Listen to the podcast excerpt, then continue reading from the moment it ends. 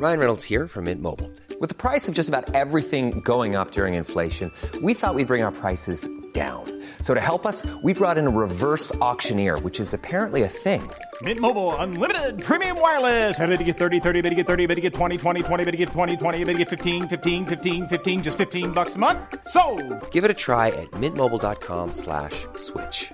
$45 upfront for three months plus taxes and fees. Promo for new customers for limited time. Unlimited more than 40 gigabytes per month. Slows. Full terms at mintmobile.com.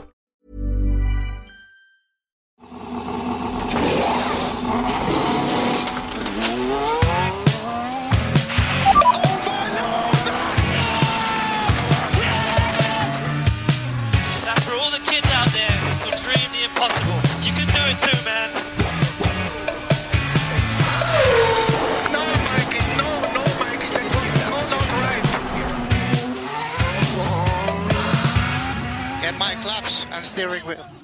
Steering wheel, claps and steering wheel here. Hallå ute i stugorna och inuti husen. Det här är Plattan i mattan med mig, Filip Lindfors, och på andra sidan internetsfären, en förkyld Anna Andersson. Ja, det var ju märkligt alltså. Sonen kom hem från, eh, har sovit i gympasal med 60 andra på världens största handbollsturnering och med sig hade han ju inte bara en massa erfarenheter utan en ilsk snuva också som han var så himla bussig att dela med sig av. Nej, så nu har du åkt på det en gång till. Jag kommer ihåg att det var en bunt avsnitt sen när du hade en förkylning som hängde kvar. Och jag minns att vi inte adresserade det då i podden. Att vi bara liksom körde på som att det inte var någonting. Men du hade din liksom hosta from hell. ja, det sjuka är ju att, eh, om man nu kan prata om sjukt när det gäller snuvor, så jag har ju faktiskt inte varit eh, snuvig på ja, ungefär två år. Och sen plötsligt två gånger på tre månader. Mm? Och den förra höll ju i flera månader. Ah, men tre veckor i alla fall innan jag kunde ut i löpspåret igen. Ja, fy fan. Men måendet då? Hur, är det bra liksom? Huvudet är upp och fötterna ner. Nu ska vi podda, då är allting bra. Ja, fy fasen. Det är så jävla gött när man bara kan stänga av känslor och, eh, och mående och bara bestämma sig. Nej, nu ska jag må bra, nu ska jag vara på det här sättet. Yes, så är det. Mamma till två barn och kvällstidningsjournalist, vad tror du? Men du, den här handbollsturneringen, världens största, är det Partille Cup eller? Absolut. Jaha, som är liksom eh, kusinturnering till Gotia. Alltså den går ju innan eh, eh, Partille Cup och den har ju också funnits, ja till och med så länge så jag har ju spelat den. Eh, när jag spelade, den fanns ju långt innan dess. Det är en helt fantastisk handbollsturnering. Med eh, lag från alla möjliga håll och kanter av världen. Och ändå spelar de en kvartsfinal mot Johan Flink, bara en sån sak. Jaså, är det sant? Var Flinken, Flinken där och coachade? Visst så du! Stod han där vid sidan och höll hov? Han höll hov vid sidan, jag gömde mig på läktaren. Nej. Så det var liksom en eh, battle between eh, Sportbladet-reportrar alltså? Ja, om man nu kan kalla det så. Det var väl snarare våra söner som mötte varandra. Så kan det bli ja, ibland. ja, ja. Handboll är en sport. då. Handbollsexperten mot F1-experten. Hur eh, gick det då? Får man Jag fråga kan det? säga att vi gasade ifrån. Alltså, fy fan. Snyggt. Det får man få höra Flinken eh, om när han dyker upp här sen efter sommarsemestern. Fan, Partille Cup är ju liksom så stor så att jag som inte ens har något att göra med handboll känner till den på något sätt. Mm, ja, men det är ju lite som Gothia Cup. Det är två jätteturneringar som pågår i Göteborg under sommaren. Och alla ungar som har spelat antingen fotboll eller handboll i Sverige har väl någon form av relation till den och många andra också. Är det samma typ av eh, legendstatus på Partille Cup-diskot som Gotia Cup-diskot har? Att det är typ det största som händer året man är ja, de, den åldern? Nu, eh, om jag ska vara riktigt ärlig, så när vi var där och spelade så var vi inte där för att gå på disco, vi var där för att vinna. Så att, eh, Jag tror fan ändå 20% är där för att vara på disco. Ja, det kan nog vara så, men eh, jag kan inte minnas att jag... Jag vet ju att det var ett disco där, men eh, vi hade lite andra saker vi skulle göra på de där grusplanerna och asfaltsplanerna som man spelade på den tiden.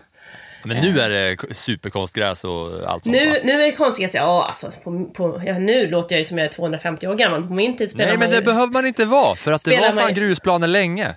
Ja, ja men alltså det var verkligen så att vi spelade på asfalt och jag vet att, att eh, och heden var grus. Jag vet att mamma hade liksom någon slags klippkort på apoteket för att springa med någon sån här sårborste liksom och köra. Jag har fortfarande R Efter de där grus... Stenmjöl hette det väl tror jag till och med. Som grävdes. Stenmjöl? Mm. Det gjorde ont, Jävlar. kan jag säga. Det känns som att det går så jävla i hand i hand med handbollens eh, liksom, tuffhetsrykte också. Att man spelar på grus och asfalt och ingen säger något om det. Det bara är så. Ja, men så kanske det är. Man blir fortfarande lite trött på vissa fotbollsspelare som ligger och gnäller liksom. Det kan jag tänka mig. Ska vi gå in på vad som har hänt i veckan när det inte har varit något race eh, den gångna helgen?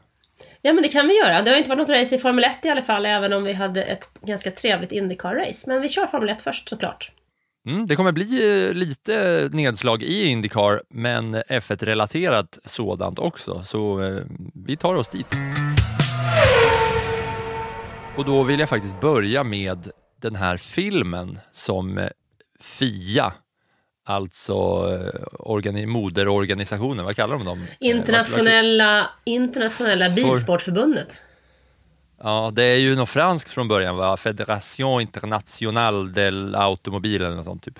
Ja, Federation. internationell, ja, internationella bilsportförbundet på svenska. Mm. De har ju hakat på det här eh, trenden som Netflix har satt, eller trend och trend. De vill väl kanske de, de vill väl kanske eh, åka lite släptåg där, boxeras lite på eh, typen av eh, succé som Netflix har gjort och se till att det är många som nu är intresserade av F1. För att Fia har nämligen gjort en egen F1-film som ska komma nu på torsdag. Som heter When We Were Young, tror jag. When we, ja, den heter When We Were Young. Där, eh, ja, det är liksom en egenproducerad film av Fia själva som ska handla om förarnas väg via go-kart och alla små underorganisationer och hela vägen till F1. Vi kan väl lyssna lite på trailern hur den låter för det är ju pampigt och ståtligt och allt sånt. The first time I, when I tried the go kart, I decided I'm gonna be a Formula 1 driver. I had quite a big of problem with believing in myself when I was younger. There, there are gonna be a lot of people along the way telling you it's impossible to make it happen, but that's why you gotta stay strong. It feels very surreal knowing that you know this kid is now teammates with this driver. Maybe one day your dream will also come true. It is extremely important to always believe in yourself. And always believe it's possible. Har du sett trailern eh, Anna för Fias egna F1-film? Ja, men det har jag gjort. Och eh, jag blev ju lite sugen på att se mer faktiskt. Ja, det är ju verkligen bara att förarna sitter där på en stol och det är talking head-feeling eh, och sen är det lite klipp från och lite bilder från när de var barn och sådär. Jag har faktiskt kollat på lite sådana YouTube-klipp. Det finns ju, jag vet inte om jag har pratat om det förut i podden, men det finns ju ett roligt YouTube-klipp när Charles Leclerc och Max Verstappen båda är typ 12 och har kört go-kart mot varandra och är så jävla sura på varandra och det är någon galen italienare som springer runt och ska intervjua dem där.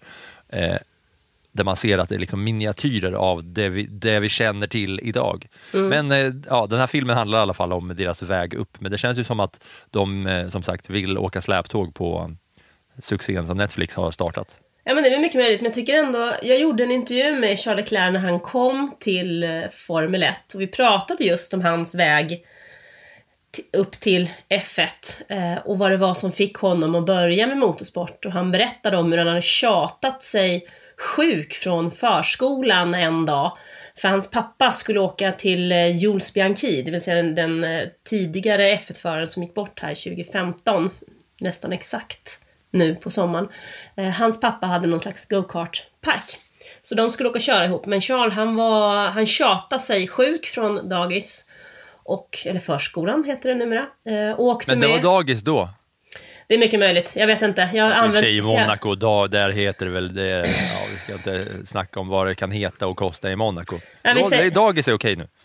Vi säger kindergarten då. I alla fall så åkte han med pappa eh, och fick sitta i en minikart och då spände de fast ett snöre mellan pappas kart och hans kart. Och de körde tills dess att det inte fanns något bränsle kvar. Och sen dess var han fast. Det var så, det var så himla härligt att prata med honom om där för att det verkligen brann ur ögonen på honom och han var så lycklig. Då på den tiden, så det här kan ha varit Måste ha varit när han körde för Alfa Romeo under hans första F1-säsong. Eh, och vi hade lite mer tid. Ofta så när du är ute på F1-helger och sådär så kanske man får, får du 10 minuter one to one så är du överlycklig. Men den här gången så hade jag nog förmånen att få nästan det dubbla. Um, och han var väldigt uh, öppen och berättade, man såg verkligen glädjen i hans ögon när han pratade om sin barndom. Och mycket beror säkert på att hans pappa inte finns med oss längre. Uh, och även den kärleken som man känner till Jules Bianchis familj. Men det var en härlig berättelse att få höra. Oj, vad fint. Så han åkte alltså på samma sätt som man åker ring efter en båt eller pulka efter en pappa, så åkte han i sin lilla kart bakom pappan som körde liksom. Mm. Och sen släppte de, de var lite oroliga, men om jag minns rätt så var de lite oroliga för att man inte skulle klara det här med gas och bromsa ordentligt. Men efter en stund så släppte de det där repet då, och han körde ju till det inte fanns något bränsle kvar. Det kanske man får se något eh, om i den här filmen som kommer. When we were inte kings, men young. Som alltså kommer på torsdag. Och eh, jag vet inte riktigt exakt hur man ska kunna se den där, men eh, det lär de väl se till att man kan se. De lär ju inte, inte tala om någonting på Twitter om jag säger så. Nej, den ska i alla fall komma på torsdag enligt tweeten. Ja, det där kommer fasen, eh, ni som lyssnar, ni kommer lösa det där. Ni kommer hitta den och de som vill se den borde se den. Jag ska i alla fall eh, se den med glädje faktiskt. Och något som har varit en stor snackis de senaste veckorna, eller ja, nästan hela säsongen, är ju Daniel Ricciardo och hans kontrakt som går ut i slutet av nästa år hos McLaren. Och nu är det så här att det har varit testkörningsfest hos McLaren. Men först så är det ju så att Daniel Ricciardo själv har sagt att han, eh, ja, för det som det har varit snacket är att det finns många alternativ till hur det ska gå med Ricardo. Det spekuleras i vilka som ska komma in och köra nästa år och hans kontrakt ska brytas i förtid och så vidare. och så vidare. Men nu har Ricardo själv gått ut på sociala medier och skrivit så här. Det har varit mycket rykten om min framtid, men jag vill att ni ska höra det från mig. Jag är committed till McLaren till slutet av nästa år och jag kommer inte att lämna sporten. Det har inte alltid varit lätt, men jag gillar det. Vem vill egentligen ha lätt? Jag jobbar arslet av mig med teamet för förbättringar och för att få upp bilen i toppen igen där den är hemma. Jag vill fortfarande detta mer än någonsin. Vi ses på Le Castellet, säger Ricciardo. Och det här säger han då några dagar efter det har varit eh, så att Colton Herta, som kör Indycar, har varit och testkört för McLaren en sisådär 160-170 varv eller något sånt va? Det jag funderar över är ju snarare inte att han säger utan varför han säger det. För han måste ju känna sig hotad, för annars hade han inte överhuvudtaget eh, brytt sig om. Eh, McLaren är ju det är ju det enda teamet egentligen som har så många, har så många racingteam på så många olika plattformar. De har ju Indycar, de kommer att ha Formel E eh, och de har eh, Formel 1 och de letar ju hela tiden efter nya möjligheter för att bygga liksom racingteamet McLaren över allting annat.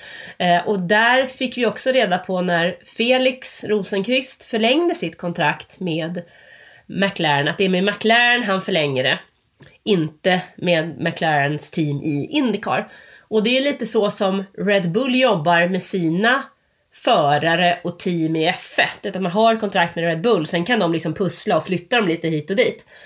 Eh, mellan Alfa Tauri och Red Bull. Och det känns lite grann som, som McLaren jobbar lite på samma sätt här. Man tittar upp, man vill säkert väldigt, väldigt gärna ha en förare från USA i F1.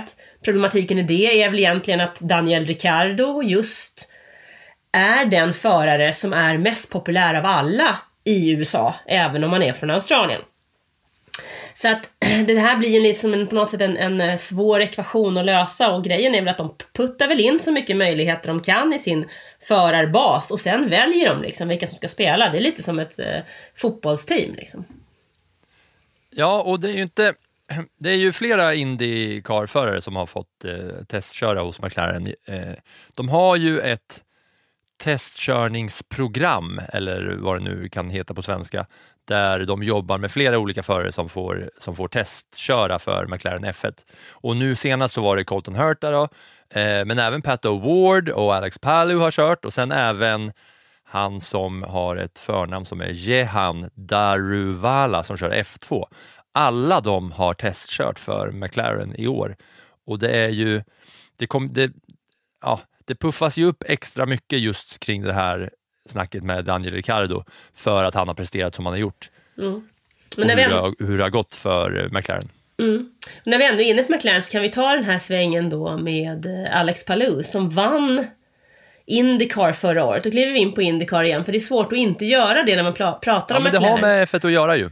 Ja, därför att han, han presenterades som eh, fortsatt förare, eller som, som att ha förlängt sitt kontrakt med Chip Ganassi Racing förra veckan tisdag. Men bara någon timme senare så gick han själv ut och dementerade det i flera olika tweets och sen presenterades han som förare för McLaren.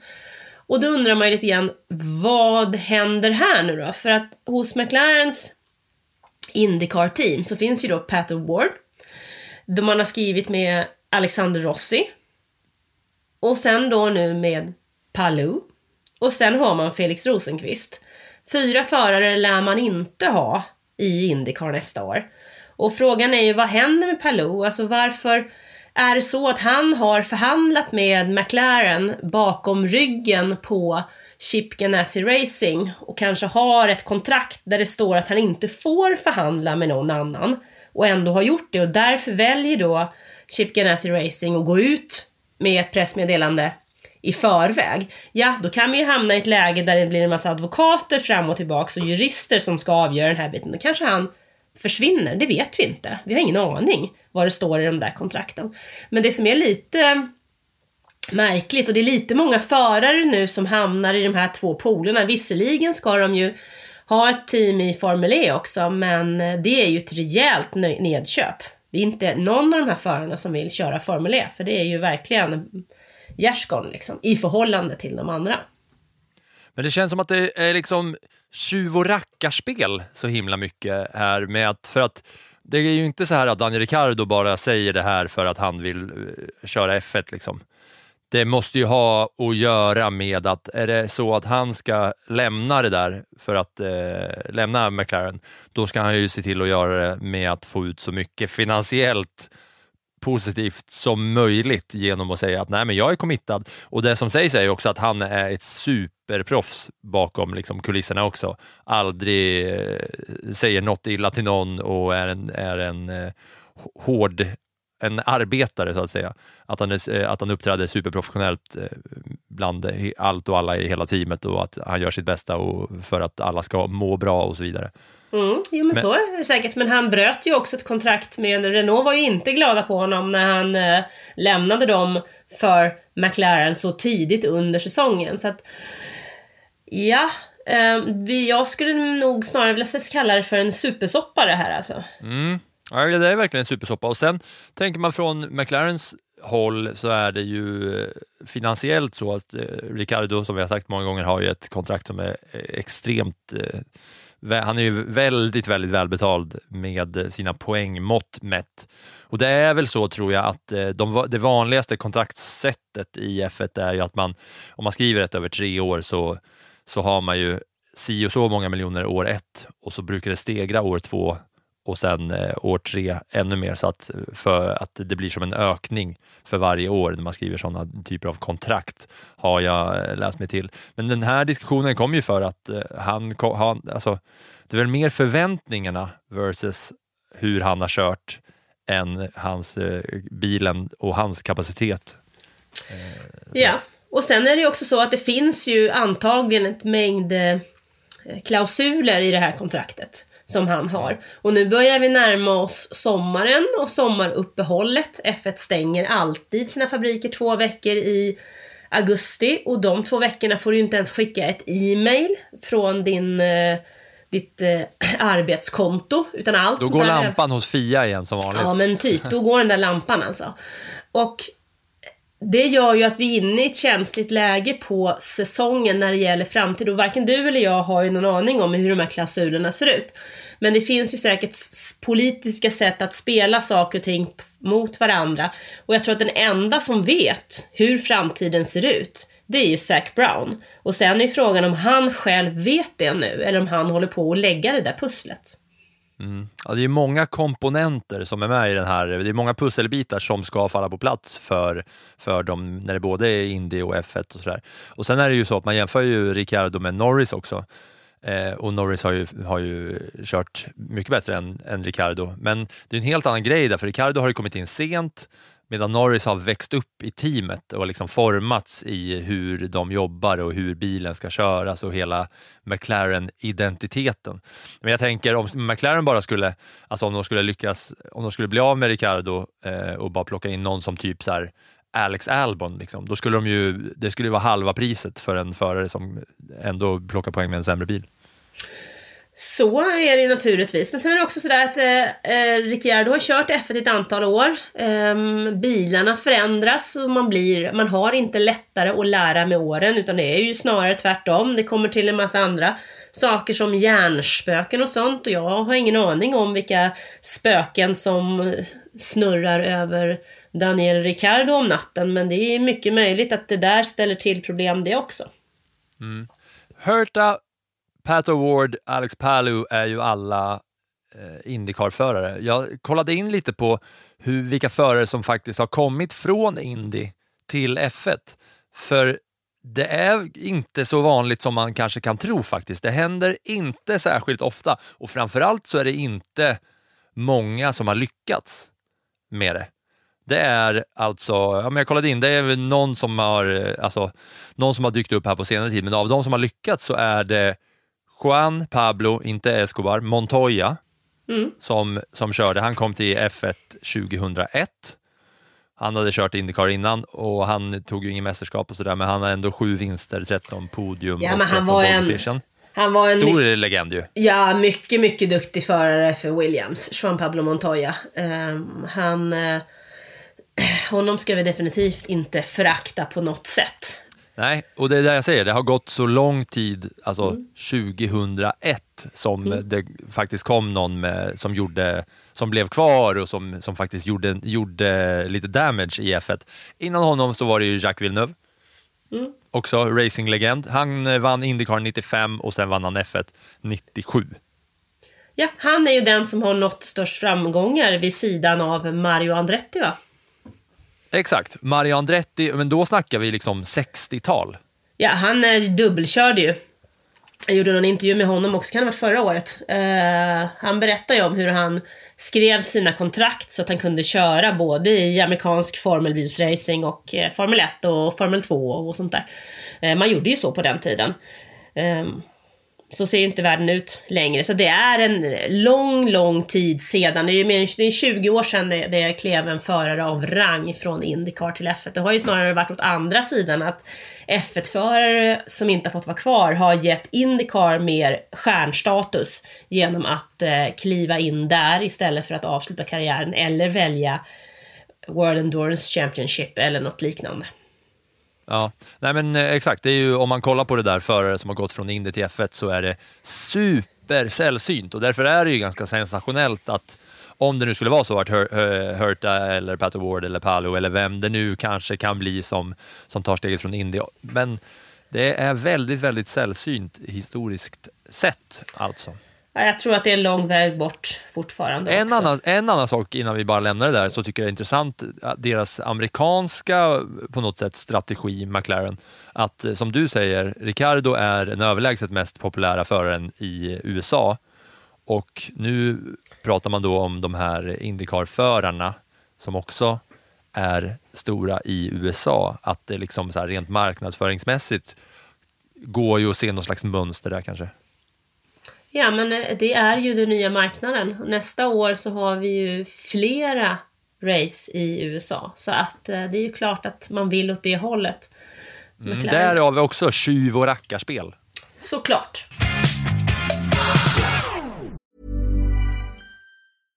Finding your perfect home was hard. But thanks to Burrow, furnishing it has never been easier. Burrow's easy to assemble modular sofas and sectionals are made from premium, durable materials, including stain and scratch resistant fabrics. So they're not just comfortable and stylish, they're built to last. Plus, every single Burrow order ships free right to your door. Right now, get 15% off your first order at burrow.com slash ACAST. That's 15% off at burrow.com slash ACAST.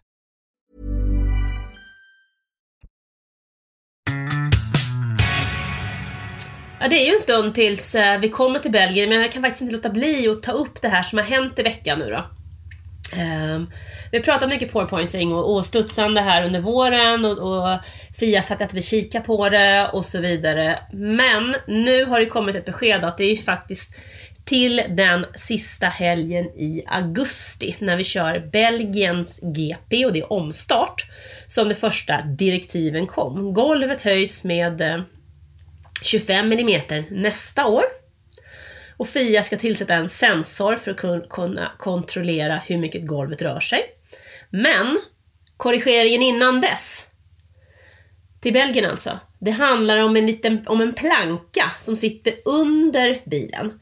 Den är typ som en bräda av glasfiber och titan. Och den här brädan kräver Fia att alla bilar ska ha för att de ska kunna kontrollera att bilen inte är för låg. Och därför har man då vissa hål i den här brädan. Och man ska se att den liksom inte flexar för mycket och att den är tillräckligt tjock. I reglerna står det då att golvet får inte flexa mer än 2 mm och så mäter man plankan och den får inte flexa mer än 1 mm i nosen och 2 mm vid den första mätpunkten. Och det finns däremot ingen regel för hur mycket den får flexa i slutändan, i den bakre delen. Och det är ju någonting då som blir ett sånt här litet kryphål.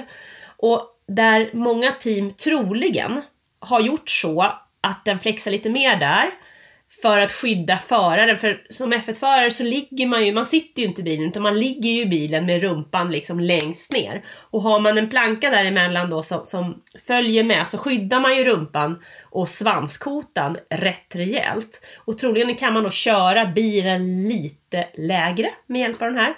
Och det ger då också mer downforce. Uh, och det här kommer Fia då kontrollera från och med Belgien GP. Det är en kortsiktig lösning. Men det är det man gör för att hitta, hitta någonting till i år och sen så blir det då tydligare till nästa år när man höjer golvet med 25 mm och tillsätter den här sensorn. Vart det tydligt på något sätt eller var jag helrörig?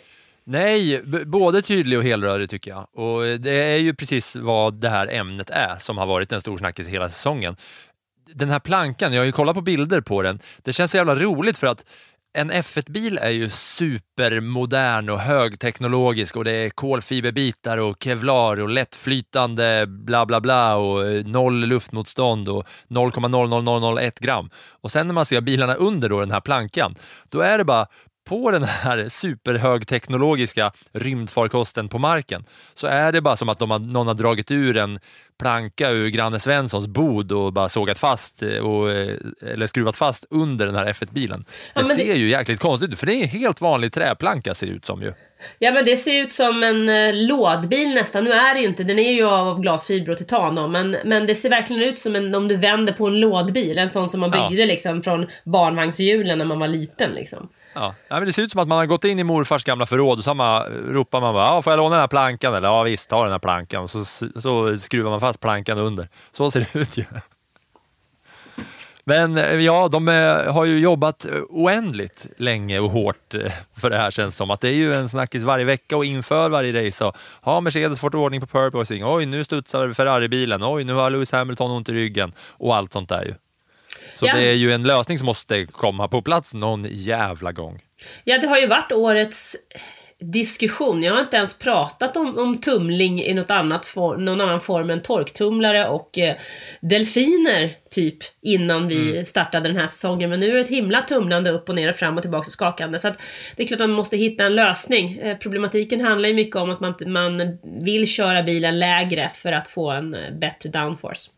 Men jag undrar, har det någonsin under tidigare F1-år varit, alltså under tidigare eror så att säga, har det här varit något som har varit uppe på tapeten på något sätt? Tumleri? Ja, absolut. Tumlera?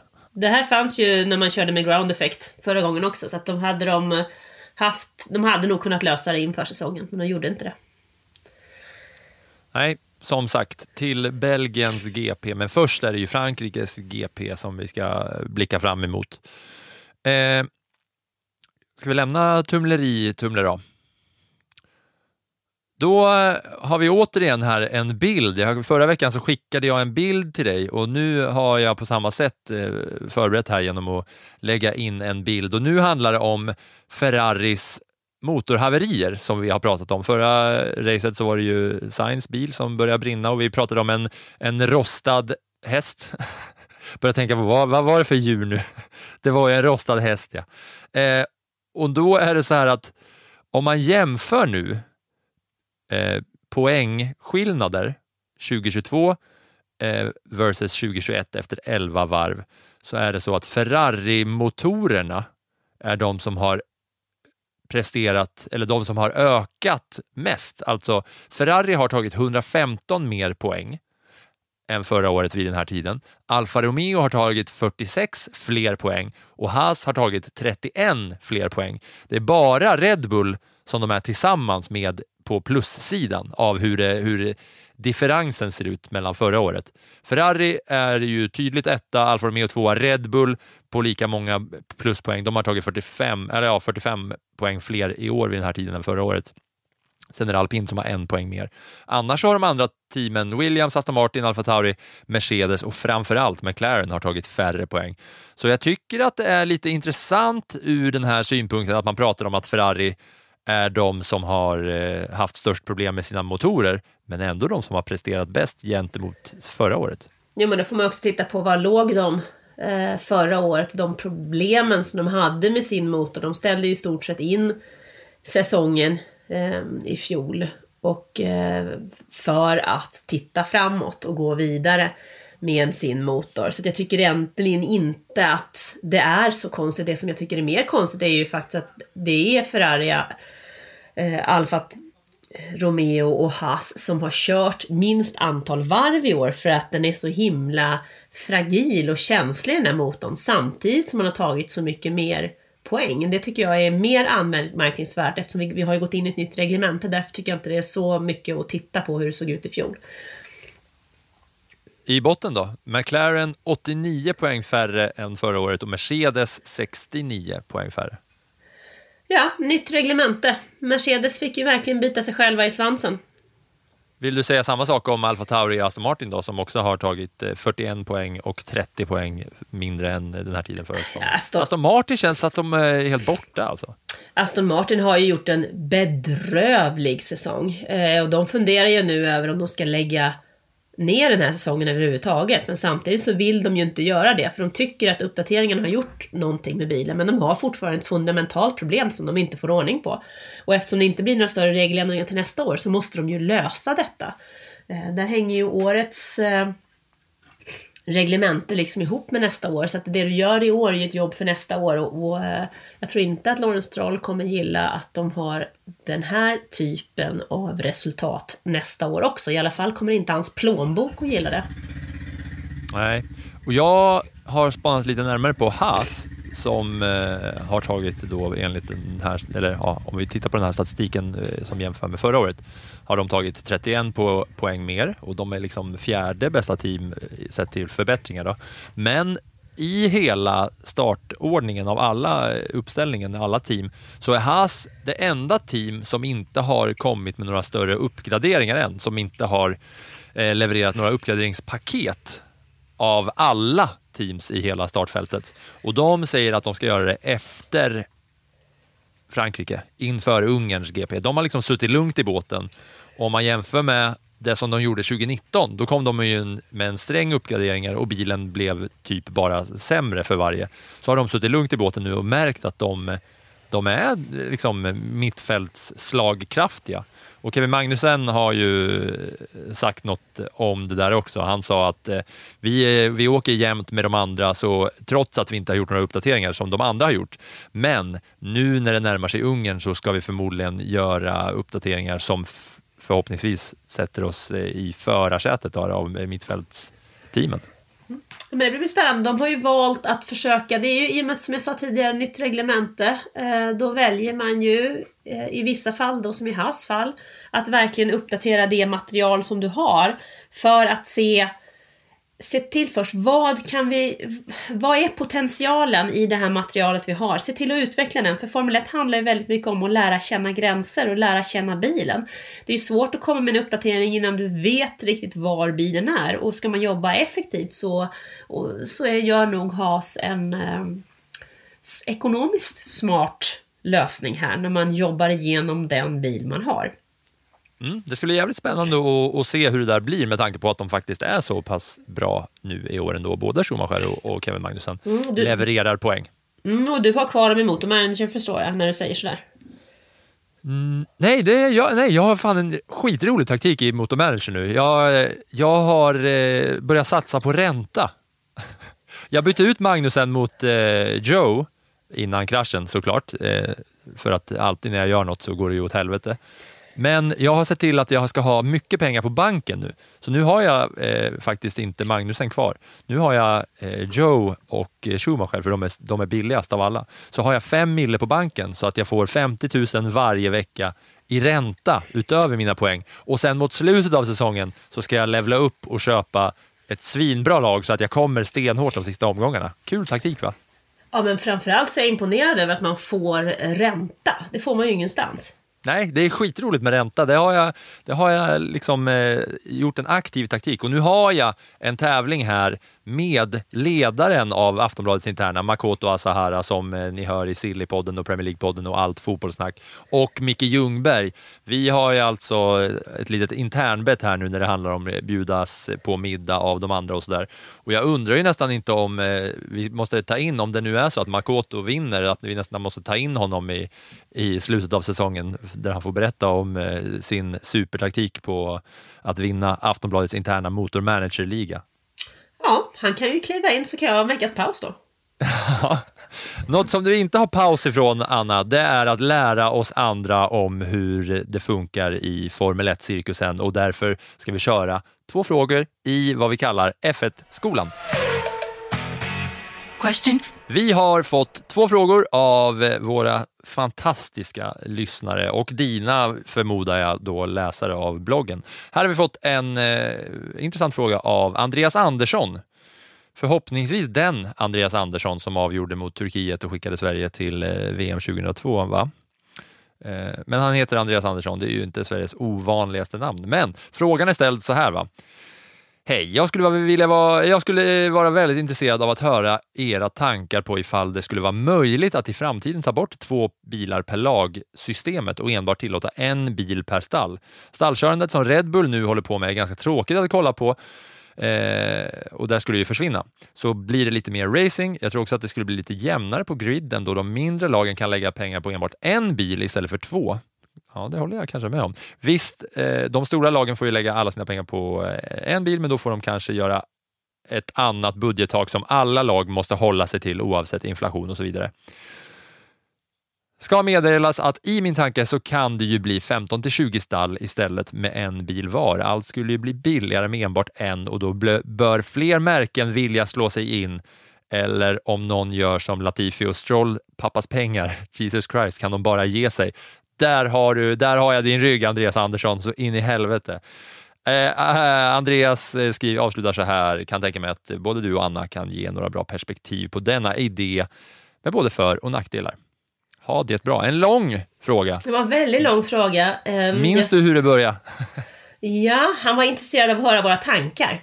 Um, jag skulle då säga att jag tror inte på enbilsteam i Formel 1. För att vi har ju det här viktiga med konstruktör. Alltså du måste bygga din bil i Formel 1. Du måste konstruera din bil i Formel 1. Det är ingen Men det kan man göra ändå ju.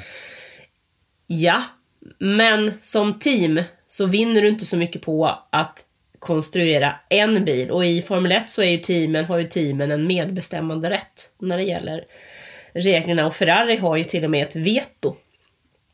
Eh, så jag kan inte tänka mig att det här överhuvudtaget skulle vara någon som var av de team som finns idag som är intresserade av att bara ha en bil. Och skulle det bli bättre racing? Ja, kanske skulle det bli. Men jag kan faktiskt tycka att stallkörningen är en del av Formel 1. Teamet är ju en del av Formel 1 och då pratar jag inte bara om teamen på banan utan även teamet i fabriken och i depån. Ja, absolut. Du är ju realistisk, va? Men eh, jag tänker ju på den här frågan mycket mycket mer orealistiskt för att eh, jag tänker att det skulle bli skitmycket bättre racing ifall det nu skulle vara så. Och sen är det ju så att det är klart att de teamen som är inne i F1 nu inte är intresserade av det här för att makten vill ju sällan ge upp makten. Va? Så är det ju allt som oftast eftersom att de är där på de här premisserna. Men om man bara leker med tanken så skulle ju en bil per stall bli mer, eh, alltså det skulle bli mer tävling one to one så att säga. Då skulle man ju inte få se det här att en bil håller undan för den andra och att eh, ja, team satsar på en förare av sina två som bara ska vara där och, och sido, sidoköra. Och så kan man ju satsa mer, det blir ju halverade kostnader nästan kan man tänka om man skulle lägga alla pengar på en bil istället för att lägga pengarna på två. Ja, visst kan man tänka så, men jag, nej, jag Och sen, känner... skulle ju, sen som den här, sen som eh, Andreas Andersson säger här, att det skulle bli fler märken som skulle eh, få plats då, om det fortfarande skulle vara 15 till 20 stall som, eh, som kör. Och det hade ju varit för mångfaldens skull, va? Tänk om man hade fått se liksom Kia köra F1.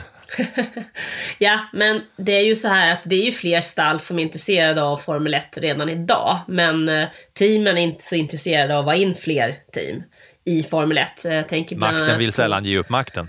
Nej men Andretti vill ju gärna in i Formel 1. Problematiken i det hela är ju det att eftersom eh, en stor del av eh, ekonomin för F1-team ligger i hur de presterar i ett eh, konstruktörsmästerskap så vill man helst inte ha in 11 team. För när vi hade flera team så var det ju alltid några team som inte fick betalt eftersom det är, du får betalt för de topp 10. Så då måste vi göra om allting i strukturen. Jag kan väl tycka att det är ett kul tankeexperiment, men blir det verklighet? Nej, knappast. Nej, det är klart. För det är ju inte realistiskt som sagt. Men jag gillar det.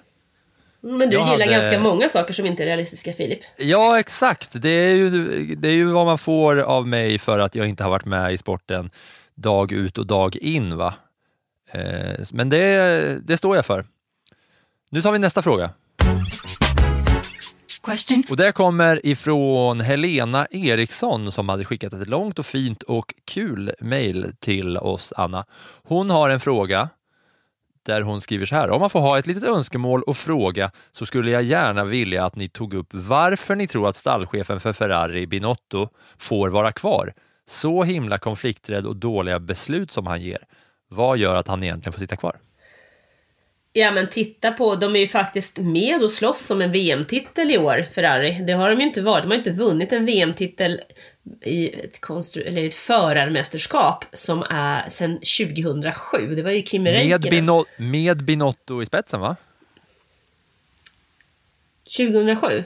Nej. Nej, nej, nej. De senaste åren när de inte har vunnit, alltså. Ja, de har ju så haft... har ju Binotto haft- varit där om man då liksom backar Helena här med sitt påstående om... Ja, eh, nej, men han har ju varit med i många år, men de har ju inte haft en bil som har kunnat... Ska vi göra, dra en, en kort resa så var det ju så här att Ferrari eh, var ju på väg upp i toppen. De hade en motor som var riktigt bra, men de hittade någon halvfuskful väg där med hur de gjorde med motorn så att den eh, fick göras om och man fick inte göra så som de gjorde. Fia vägrade att tala om exakt vad de gjorde men de kom med en lösning mellan dem och Ferrari som gick ut på att Ferrari fick inte göra på det sättet. Och då tappade ju Ferrari i konkurrenskraft gentemot de andra teamen och valde då att titta på årets säsong istället för det skulle kosta för mycket och vara för jobbigt att komma ikapp. Så de passade ju på att nyttja fjolårets säsong framförallt när det gäller motorutveckling eftersom man har låst eh, utvecklingen av motorer nu då fram till 2026. Så att Binotto har ju faktiskt gjort ett bra jobb. Alltså de ligger med i toppen. Eh, och sen gör de klantiga beslut tar han väl ibland, men det är ju inte bara han, utan F1 är en lagsport och det är tillsammans som de ibland, så som vi som tittar på tycker att de kanske inte tar de smartaste besluten, men själva så kanske de är av en helt annan åsikt. Ja, men eh, du om någon har ju varit ganska kritisk till sättet som Ferrari eh, tacklar sina, sina problem här de senaste. Men det har varit eh, haveri till depåstopp och i, i icke utfärdade teamorders och så vidare. Ja, men jag tycker det har varit lite för mycket mm, italiensk eh, riksdag. Så här då, om eh, det inte blir något då för Ferrari i år? Ska Binotto sitta kvar? Det tror jag beror väldigt mycket på hur den här hösten utvecklar sig. Vad anledningen till att det inte blir någonting för Ferrari är. Red Bull kommer etta, tvåa i förar och vinner överlägset konstruktören såklart. Leclerc blir trea, Sainz blir femma, säger vi. Ja, men det, alltså det, jag skulle säga att det beror på hur hösten ser ut. Vi har kört hälften av årets lopp. Eh, vi vet ju inte hur det ser ut. Rasar de totalt? Eller är det så att det är något väldigt, väldigt jämnt i de sista två loppen som avgör? Det vet vi ju inte. Den diskussionen får vi ta när säsongen är slut. Det kan du skriva upp att vi ska göra. Helena Eriksson, tack för frågan. Nu blickar vi fram mot Frankrikes Grand Prix.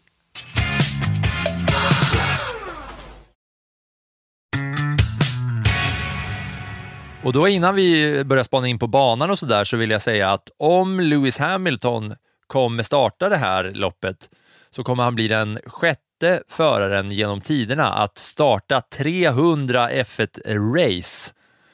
Etta är Rubens Barrichello, tvåa är Michael Schumacher, trea Jenson Button, fyra Alonso, femma Räikkönen och Lewis Hamilton om han kommer till start. Så joinar han då The 300 Race Club.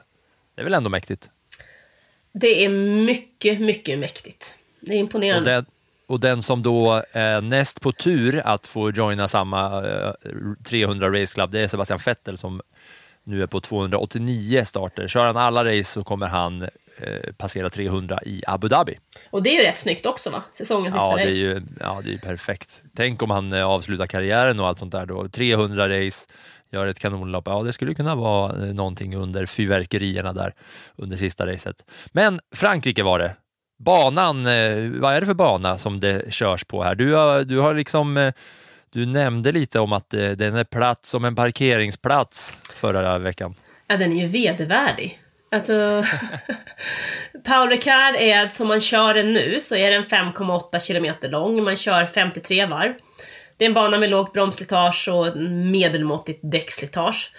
En bana som byggdes 1962. Jag kan rabbla så här, det är urtrist, för det här är en sån fantastiskt tråkig bana. Och anledningen... Fan vad kul det ska bli att se. Ja, det är skitkul. Det är nog det enda loppet som man kan känna att man kan somna till. Men Anledningen till detta är att detta är en testbana i grunden. Alltså det är en asfaltsöken med olika typer av curbs och, och däckstaplar. Man kan köra 180 olika bansträckningar från 826 meter till 6,1 kilometer. Det finns 25... Jaha!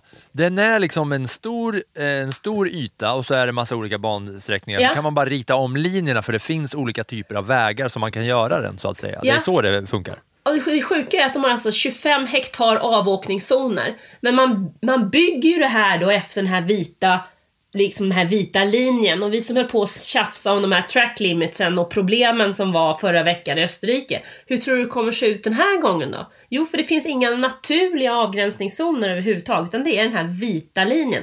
Så, och i Österrike delades ut 88 bestraffningar under. Formel 1-helgen. Alltså det kan bli kaos i Frankrike, det kan bli ett jätteproblem. Nu känner jag igen det här Frankrikes GP av mina eh, timmar bakom ratten själv i mina F1-spel. Det är ju här det är eh, blåa och svarta streck överallt och det är helt platt där man kan köra ut, eller hur? Ja. Det är ju inte det minsta sexigt. Det är det mest osexiga som finns inom Formel 1 tror jag. Det finns eh, liknande på Circuit of the Americas tror jag i Texas som har någon slags liknande visuellt för ögat som, som ser ut på, på samma sätt. Men eh, ja, du ser alltså inte fram emot det här racet. Bara för att du eh, slår ner på det så hårt så blir jag extra sugen på att, eh, på att hålla ett extra öga på det.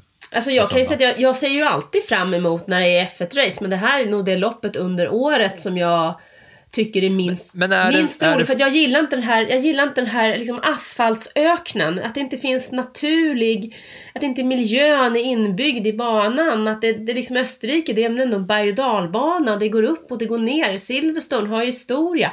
Spa ska vi inte prata om. Det är en fantastisk racebana med flyt. Och här är det verkligen bana, vit linje, däckstapel, avåkningszon. Alltså du kan ju till och med tjäna tid genom att åka över den här vita linjen. Så jag tror att det kommer att bli ett jättestora problem med de här track limitsen. Och framförallt så ska vi hålla koll på kurvkombinationerna 1, 2, 3 fram till 5, utgången av kurva 6 samt kurva 8, 9. Det kan bli väldigt, väldigt många som glider över linjerna och så får vi bestraffningar. Just den biten tycker jag är lite tråkig. Därför så skulle jag inte personligen bli så himla ledsen om man flyttade Frankrikes GP till en annan location framöver.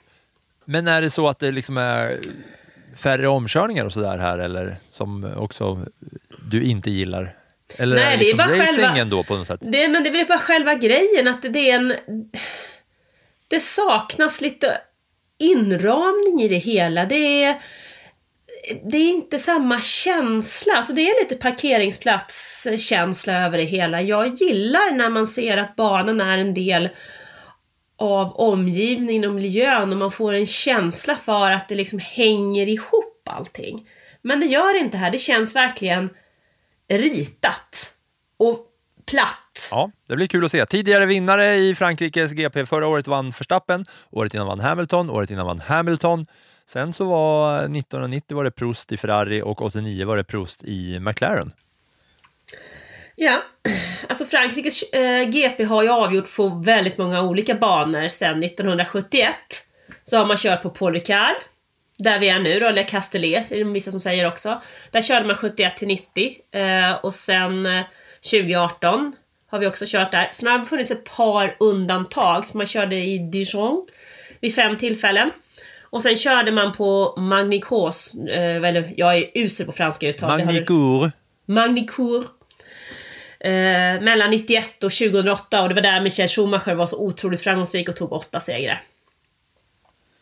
Ja, har vi, om du får ta ett minnesvärt race då, som, eller två kanske, som du, som du minns här som från eh, Frankrikes GP? Ja, då väljer jag nog ut eh, 99. När eh, Micke Häkkinen hade en omkörningsfest utan dess like. Han startade på 14 plats och slutade tvåa. Och något mer då? Mika Häkkinen, omkörningsfest, det låter ju, det låter ju som något man vill se. Alltså. Ja men det är klart att det, det regnade också och- mot slutet och det är ju, allt, det är ju alltid saker och ting. Sen så gill, tror jag att jag också tar eh, 2006 när, eh, men kanske inte så mycket för själva racet, men eh, Michael Schumacher tog sin åttonde seger i Frankrikes GP. Han blev den första föraren någonsin att klara av att ta åtta segrar på en och samma bana. Numera har ju även Lewis Hamilton gjort det. Och det här också Michael Schumachers sista pole position. För att även om han var snabbast i kvalet till Monacos GP med Mercedes 2012 så fick han en bestraffning där och startade sexa. Det är alltså Formel 1-fest i Frankrike på fredag. Det var ju en snygg allitteration på F av mig. Tack! Hur har det gått för våra svenskar då, Anna?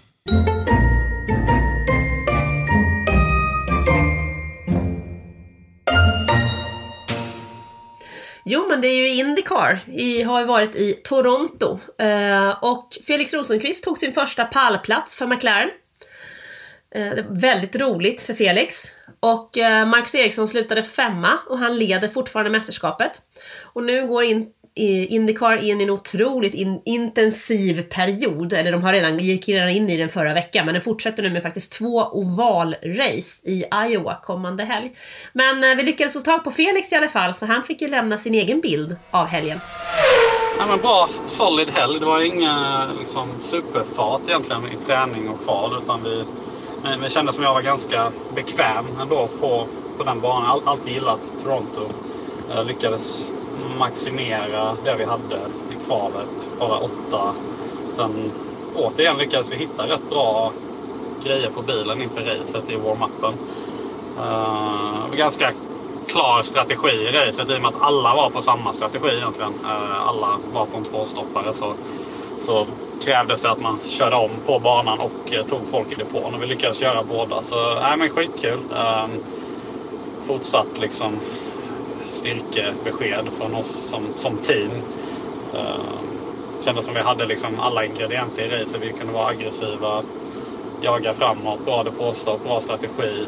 Uh, bra på kalla däck hela tiden. Det var nästan nyckeln till racet kändes det som. Att lyckas ta sig fram hela tiden i omstarter och sånt där. Uh, Så lite, lite wheel to wheel med Rossi också vilket jag min syn på det är ganska tydlig. Att, uh, vi, jag låg precis jämsides med honom. Eh, vi nuddade hjul och han verkade inte hålla lika hårt i ratten som jag gjorde. Så hans, eh, hans ratt flög ur händerna på honom och han kraschade. Vilket var tråkigt tycker jag. Det var en bra fight men eh, inte heller mitt fel att eh, det slutade som det gjorde i och med att det var väldigt minimal kontakt. Det var bara kontakt på fel ställe helt enkelt. Men det är så när man tar ihop hjul med hjul så blir det liksom... Eh, då, då blir det sådär. Uh, nej, kul. Kul första podium med, med teamet. Eh, förhoppningsvis en av många fler. Ja, nej, men efter att ha snackat med Felix Rosenqvist som vi gjorde i vårt gästavsnitt för eh, ett par veckor sedan så tycker jag faktiskt att de här ovalracen är extremt mycket mer intressanta. Har du inte lyssnat på gästavsnittet när Felix Rosenqvist eh, som kör för McLaren i Indycar var med oss så eh, gå tillbaks några avsnitt, lyssna på det för det är jävligt roligt att höra Felix berätta om hur bilen är inställd att den är helt skev när man kör eh, ovalrace alltså. Så eh, Ja, det ska bli kul att hålla koll på då. Innan vi avslutar så är det också en utlovad backspegel där du, Anna, ska få berätta om Brasiliens GP 2003 som stod på lappen som jag hade slängt i lådan förra veckan. Så varsågod, ta del av backspegeln, kära lyssnare. Nu ska ni få höra Anna berätta om ett kaosrace. Kaosracet 2003 i Brasilien. Kaos, kaos, kaos. I backspegeln. Och jag tror inte att du hade lagt i den lappen för att det var det 700 loppet i F1-historien. Utan snarare för vilket race det var. Eh, Brasilien är ju känt för att det kan ha väldigt olika väderförhållanden. Och så var det även den här gången. Det regnade rejält, starten sköts upp i en kvart och man startade bakom säkerhetsbilen. Det kom ytterligare en säkerhetsbil under inledningen av loppet och på varv 27 var det dags igen. Michael Schumacher drabbades av vattenplaning i sin Ferrari. Men han var inte ensam. Jenson Button och Jos Verstappen, ja, pappa till Max, och ytterligare tre förare drabbades av samma öde. På varv 52 så kraschade Mark Webber riktigt illa. Säkerhetsbilen kom ut för femte gången. Fernando Alonso missade de här gula flaggorna och han körde in, eh, körde in även en av, ett av Webers hjul och kraschade så illa att han fick föras till sjukhus. Och eh, då bestämde man sig för att bryta det här loppet. Loppet skulle ha körts i 71 varv men stoppades alltså då man hade kört 75% av tävlingsdistansen. Och det blev lite rörigt i samband med det här, för man hade liksom inte koll på vem som var först överhuvudtaget, utan Kimi Räikkönen, McLaren, tilldelade segern och jublade. Men eh, Giancarlo Fisichella som eh, körde för Jordan och Jordan-teamet, de var inte alls nöjda. Utan de menade ju på att Fisichella låg före Räikkönen på banan, så man fick gå tillbaks och titta efter det att eh, Jordan hade protesterat. Och då visade det sig att Fisichella hade faktiskt påbörjat det 56 varvet. Så stallet fick rätt. Så Fisichella vann i Jordan. Kimi Räikkönen fick eh, tugga i sig den där besvikelsen och bli tvåa i sin McLaren. Och Alonso som satt på sjukhuset, eller låg kanske, slutade trea. Det här var Fisikellas första GP-seger. Det var Jordan-teamets fjärde och sista seger i stallets 200 GP. Men Jordan, ja, det teamet är idag Aston Martin. Och nästa gång som teamet vann, efter det här racet i Brasilien 2003, det var faktiskt när Racing Point med Sergio Perez vann på Sakir 2020. Det där är ju rörig racing. Jag satt, här och, jag satt här och bara gapade av alla de här eh, grejerna. Fem säkerhetsbilar och Alonso missade gula flaggorna. Ja, det var... Och efter det, alltså efter att gulflaggan hade kommit ut så körde han in i Webber. Japp. Han och, satt sen hade de, hade de, då- och sen hade de missat att Fisichella hade åkt ett varv till alltså. Ja, han hade börjat, påbörjat det 56 varvet. Um, jag tror, om jag, om jag minns rätt, jag är inte helt säker, jag vet att jag såg det här racet, men Alonso hade någon diskussion över radion där med sitt team om däckstrategier och så vidare, för det var ju superrörigt väder. Och så han var väl inte, hade väl inte helt full koll på var han hade sina, sina fyra däck och nosen i det läget. Och det här var ju alltså Mick Schumachers farsa som körde mot Max Verstappens farsa eh, samtidigt. Då alltså. Och de hade då vattenplaning båda två. Japp. Och så körde man 75 procent av varven. Men det, är Ja, ändå det är lite, ju- det är ändå lite coolt att Fernando Alonso faktiskt körde mot de här grabbarnas farsor. Brasiliens GP 2003 alltså. Ett eh, riktigt kaosrace. Tack för den backspegeln Anna. Varsågod. Och med den backspegeln så lämnar vi dagens avsnitt då. Som har, eh, ja, vi, vi har hunnit, det blir en, en del kackel ändå, även fast det inte har varit eh, något race.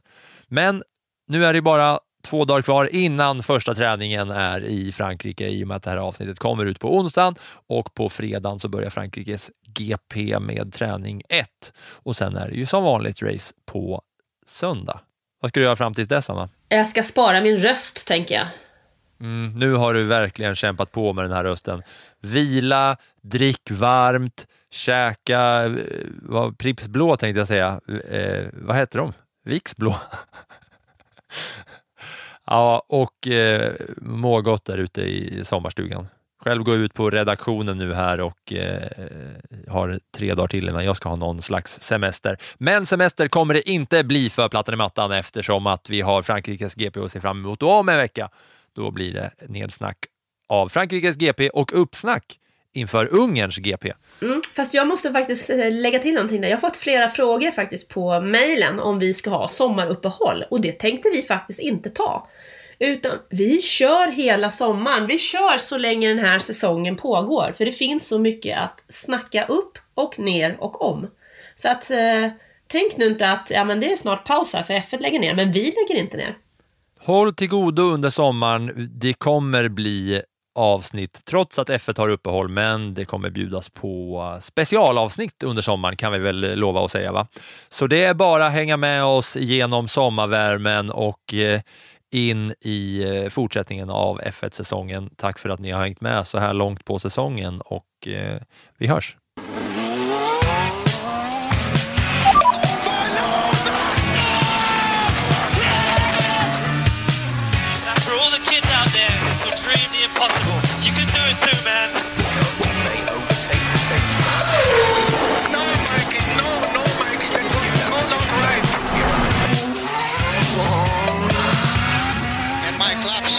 And my